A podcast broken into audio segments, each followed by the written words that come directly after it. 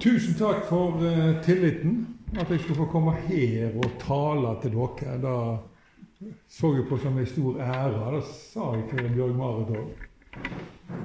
Tusen takk for nydelige dikt, Gerni. Det var så malende å høre på deg. Gratulerer med dagen, alle sammen. 17. mai er jo veldig spesiell. Den eneste dagen som alle nordmenn feirer i lag. Og det syns jeg er fint. Ikke at det er den eneste dagen vi feirer i lag, men at vi feirer den i lag. Vi feirer at vi en gang ble en fri og selvstendig nasjon. At vi i 1814 fikk denne grunnloven vår med de flotte demokratiske verdiene som ligger i den. Og så feirer vi freden. Alle som opplevde siste verdenskrig, vet at selvstendighet og fred og rettferdighet og fridom ikke er selvfølgelige ting, men dyrekjøpte verdier. Og akkurat nå så er det Ukraina som kjemper mot brutale okkupanter. Og det er rett og bra, syns jeg, at vi støtter dem i denne kampen. Og så er det kanskje det viktigste at vi kobler Gud inn i den kampen. At vi ber for dem. Det står at en rettferdig manns bønn har stor kraft i sin virkning i Jakobs brev, og det tror jeg også gjelder for kvinner som ber. Hvor kommer alle disse gode verdiene ifra som vi feirer i dag? De kommer ifra Gud og ifra Bibelen, uansett hvordan vi snur og vender på det. Det er Gud som har slått fast at kong Salomo og Jørgen Hattemaker har akkurat lik verdi. Det var ingen andre som kom på det. De er begge skapte i Guds bilde. De er elska av den samme Gud frelst av den samme Herre. Det er ingen forskjell. Alle er like for Gud. Og alle blir Guds barn ved trua på Jesus Kristus, slår Paulus fast i Galaterbrevet. Det er ingen forskjell. Enten en er i, i, i, går ute på gata, eller om en er høyere oppe på strå. Alle mennesker har lik verdi står i Galaterbrevet. Det er første plassen det er skrevet ned. da. Har du hørt på maken, tenkte keiseren. Og det ville han ikke ha noe av, for han syntes han var mer verdifull enn de fleste andre. Derfor så prøvde han å kvele kristendommen. Men han måtte gi tapt. Eller alle keiserne som prøvde på det, måtte gi tapt til slutt. Og Romerriket gikk til grunne. Men Guds rike består og vil alltid bestå. Og det skildra så fint i Daniels bok for de som har lest den. Kjære 17. mai-venner. Uten den revolusjonerende tanken om at alle mennesker har lik verdi, så er demokratiet helt umulig.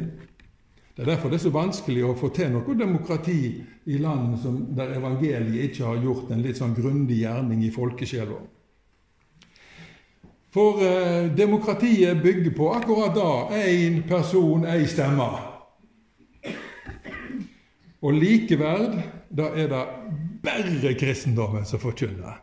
Du finner det ingen andre plasser. Og demokratiet er helt avhengig av en levende kristendom. Jo mindre kristendom det blir i et samfunn, jo mer skinndemokrati blir det. Men la oss ta et tilbakeblikk. Historien om Norge er strengt tatt helt og fullt vevd sammen med historien om kristendommen i Norge.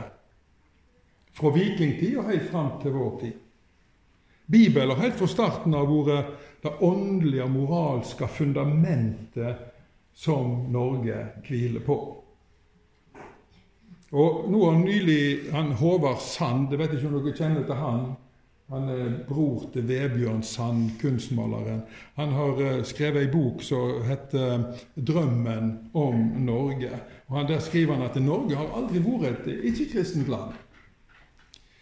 Før rikssamlinga, som sånn roughly ble fullført av eh, Olav Haraldsson, så utgjorde Norge en masse små kongedømmer Eh, da ser jeg ikke bort ifra Harald Hårfagre, for jeg kjenner til han og det som han holdt på med. Eh, og slaget på Hafrsfjord og alt av det der. Jeg har ei datter som bor der nede, så jeg er og kikker på disse tre sverdene.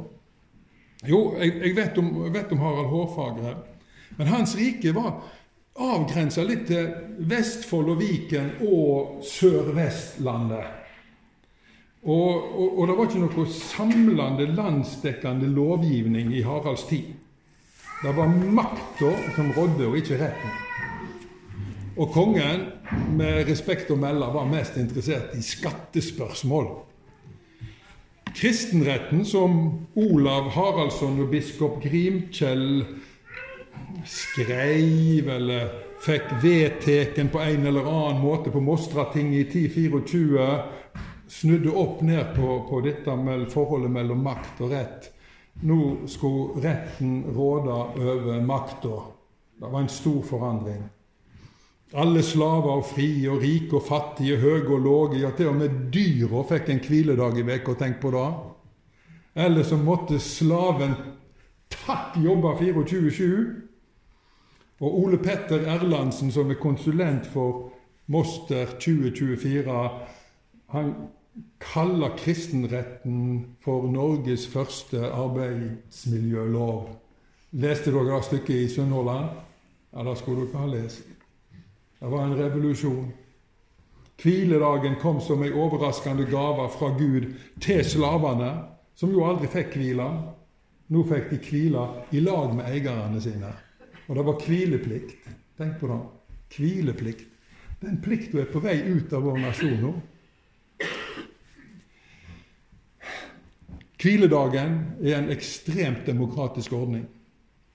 Den nye lova gav retter til de svakeste, retter de ikke kunne tilkjempe seg sjøl, men som de fikk ta imot som en gave fra himmelen. Kvinnene fikk samtykkerett når de skulle gifte seg. Mennene kunne ikke lenger ta seg flere koner. Nyfødte, funksjonshemma barn kunne ikke lenger settes ut i skogen til villdyra. For en revolusjon! Norge gikk fra å være et maktsamfunn til å bli et rettssamfunn. Og prøven på at vi faktisk talt er et rettssamfunn, er om lovene våre sikrer gode levekår for de svakeste. Kristenretten var sentral i forminga av hva type nasjon Norge skulle bli. Det skulle være en kristen nasjon. Og kristendom med vekt på tru, rettferdighet og miskunn ble sjølve limet i nasjonsbygginga.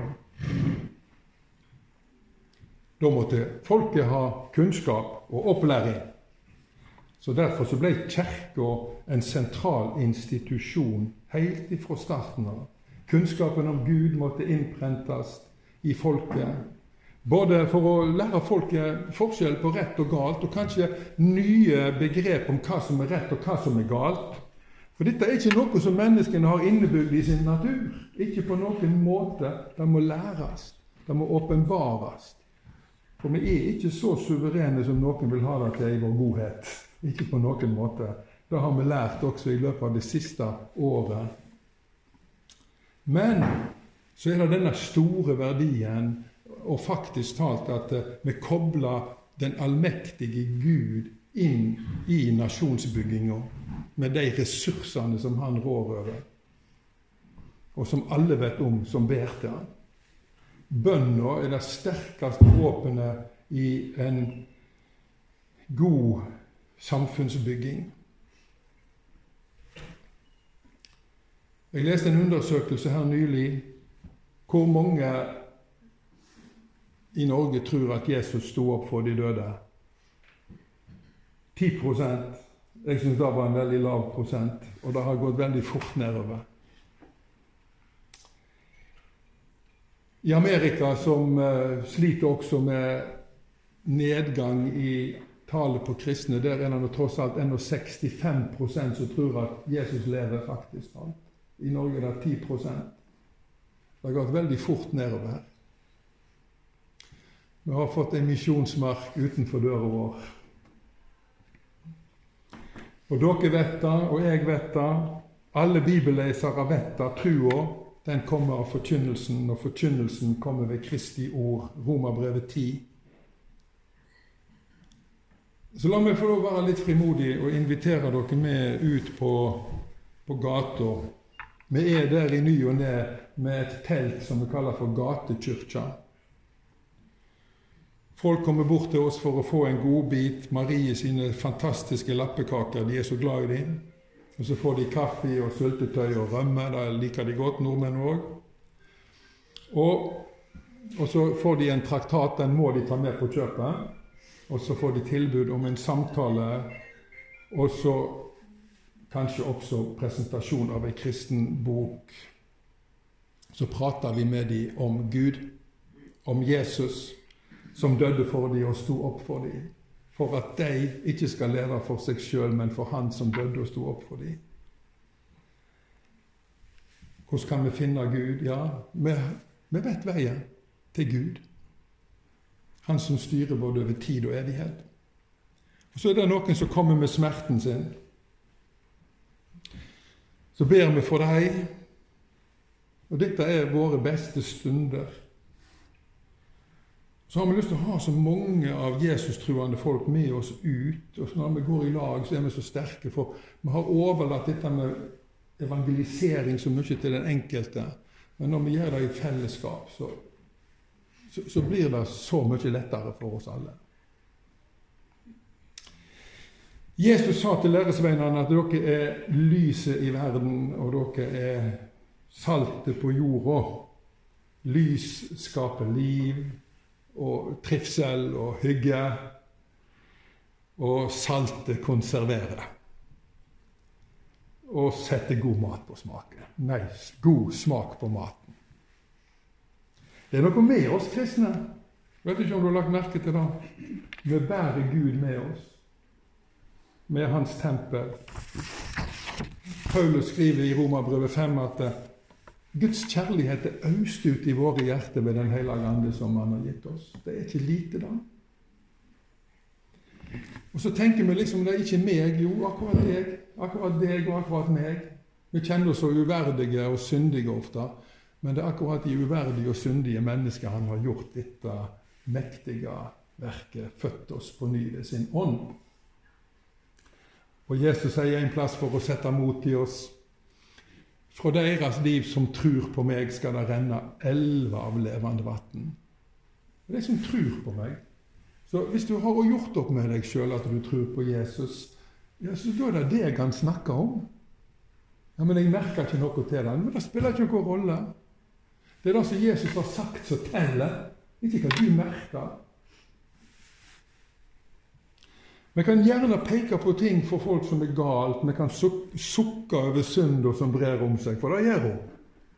Men det hjelper så lite med disse sukkene våre. Jesus sa, 'Våg å be. Ta vare på deg sjøl. Ta vare på truslivet ditt. Ta vare på hjertet ditt. Ja, framfor alt, for livet går ut ifra det. Bruk tid med Jesus i hverdagen. Studer Hans ord det ordet som har kraft i seg til å skape en verden og forme en nasjon. Det er, det er deg og meg gitt. Det er ikke lite. Det er fantastisk, altså. Søk fellesskap med de som elsker Han. Styrk dine kristne søsken. Vær med og gjør forsamlinga di til et kraftsenter i lokalmiljøet, til ei magnetisk forsamling. Det er iallfall en drøm som vi kan ha. Nå ser vi det, det funker i Vigeland.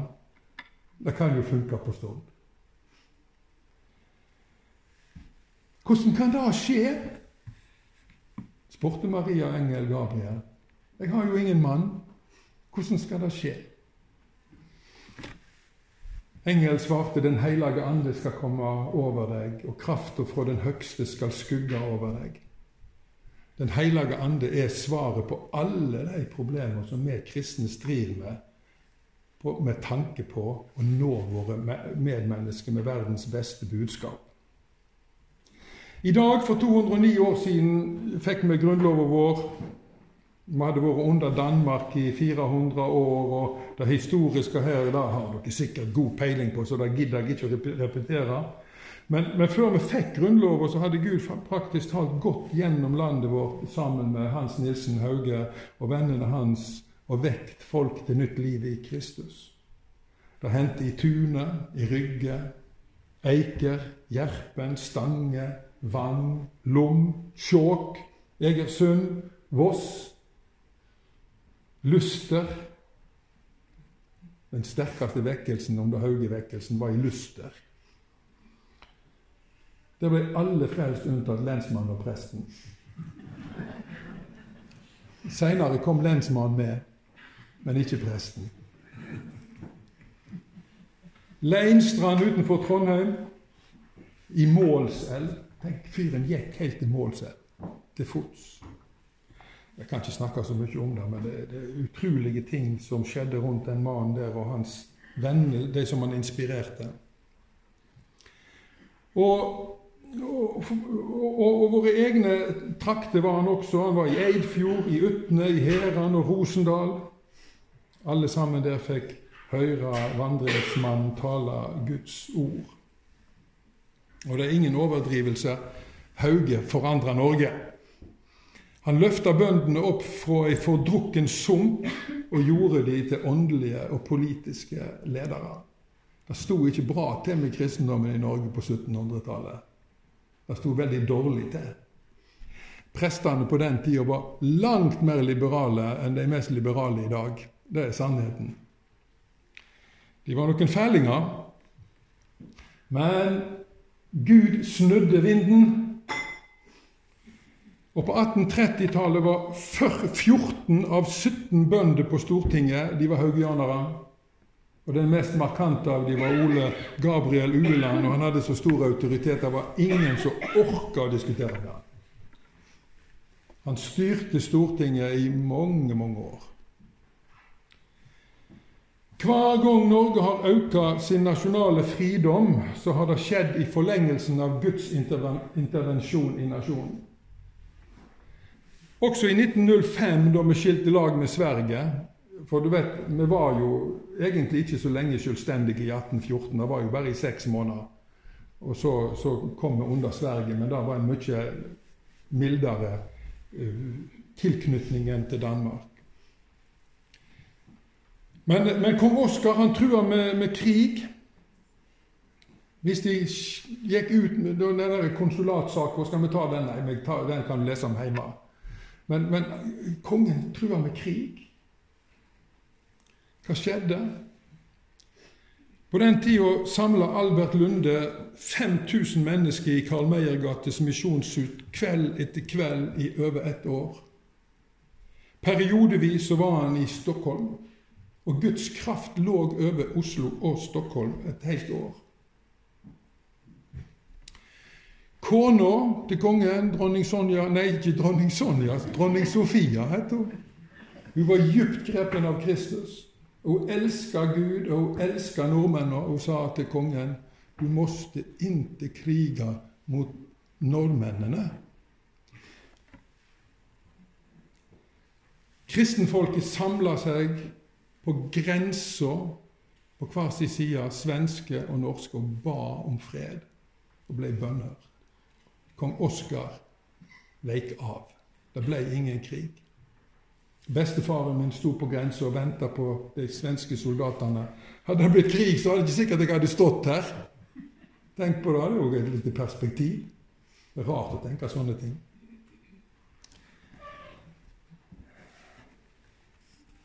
Norge ble selvstendig. Kongen gav seg.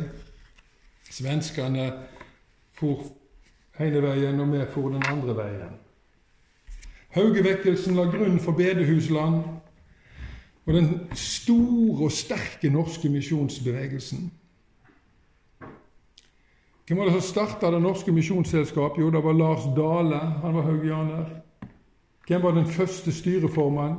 Jo, det var sønnen til Hans Nilsen Hauge. Andreas. Og lenge så var vi nummer én i verden med tallet på utsendte misjonærer i forhold til folketallet. Vi er ikke det lenger. Vet dere hvem land som har den tittelen i dag? Det er Mongolia. De fikk evangeliet i 1991. Og Det brenner en eld i Mongolia som sender folket ut med evangeliet i alle retninger. Den 10. juni blir The Send arrangert i Imi-kirken i Stavanger. Norske misjonsorganisasjoner prøver å tenne opp Den hellige andens eld og engasjement for misjon i generasjon Z. Dagens farløse, forvirra og rotløse ungdomsgenerasjon. Gud har hjerter for denne gjengen, sånn som de er. Måtte de lykkes. Så har jeg et budskap til du som er mann her. Reis deg og bli en åndelig far for generasjon Z. Reis deg og bli en åndelig far for unge mennesker, slik at de kan lene seg til deg og følge deg i den grad du følger Kristus. Kan du høre ropet fra den gjengen som sitter med skjermene sine, og som av og til irriterer oss grønne? Det går et kall ifra Gud ut til norske kristne menn om å bli fedre, ikke bare for sine egne barn, men for en generasjon. Du skjønner at Jordan Peterson når ikke fram til alle, hvis du har hørt om han. Dette nye kanadiske fenomenet som sier til ungdommene at dere kan ikke løse verdens problem før dere kan ta ansvar for dere sjøl. Det går ikke. Først må du lære å reie opp senga di, sier han. Og Unge menn samler seg om denne mannen i tusentall. De sitter og ser og hører på han. De blir jo refsa, men de elsker det. Men, men unge menn kan, alle, alle kan ikke ha Jordan Peterson til mentor. Men det er så mye godt mentorskap i norske menn, og jeg kaller spesielt på norske menn fordi at eh, menighetene er fulle av kvinner. Mens mennene de holder på med så mye rart som de er opptatt med. Noen menn må rett og slett bare vende om. Ja, så fikk jeg sagt det. Det er behov for oss alle, men litt tilbake til historien. Håkon den 7. Han ble jo konge da, i 1905. Han, han hadde en djup kristen overbevisning. Og i en samtale med Nidarosbispen Jens Gran Gleditsch Han var ganske liberal, altså. Men han prata med biskopen i 1923, og så sier kongen det eneste som kan redde verden ut av vanskeligheter og alt av vonde, det er å vende tilbake til den gammeldagse kristendommen med de kristne verdiene som må gjennomsyre et folk dersom kulturen skal bestå. Det er kong Haakon.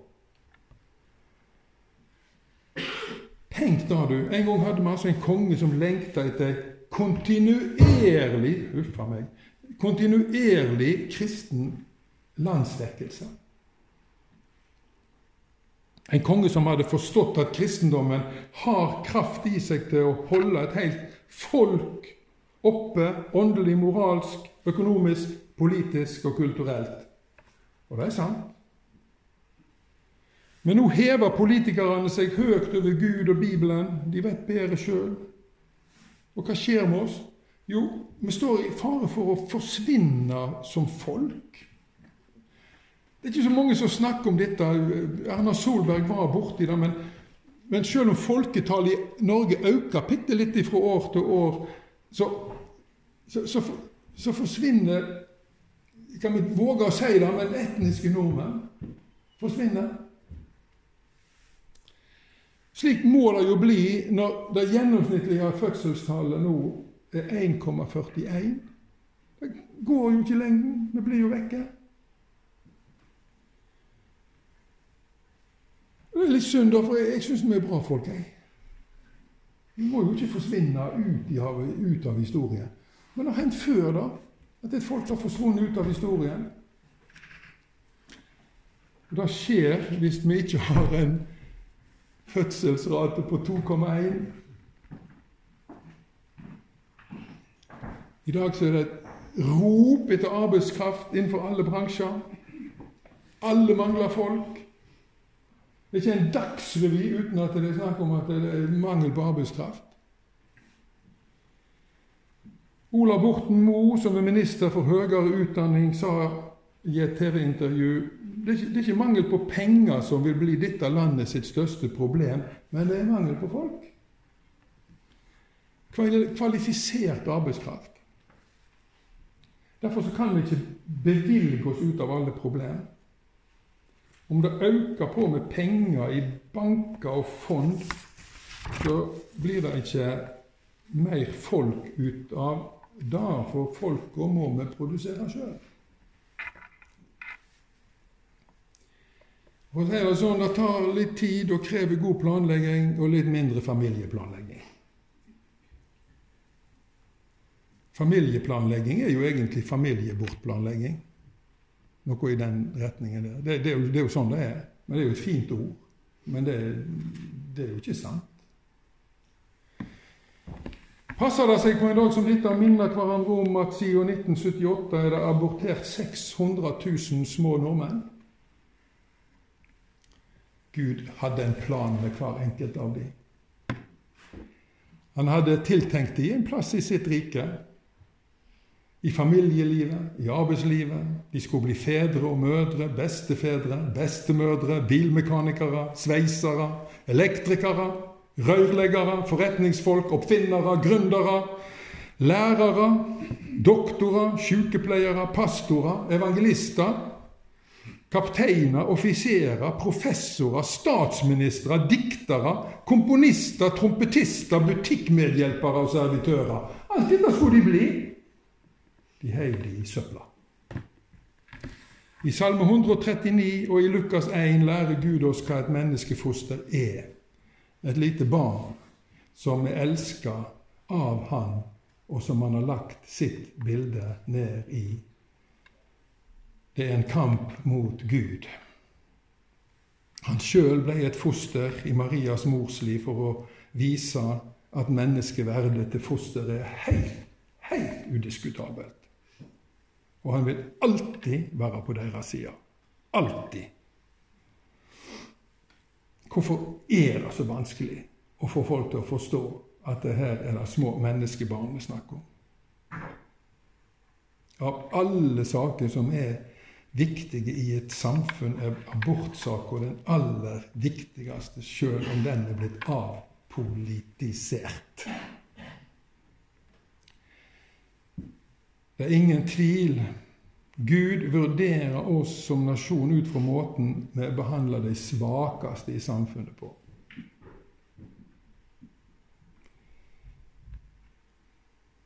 Det står så masse i Gamle testamentet om dette her.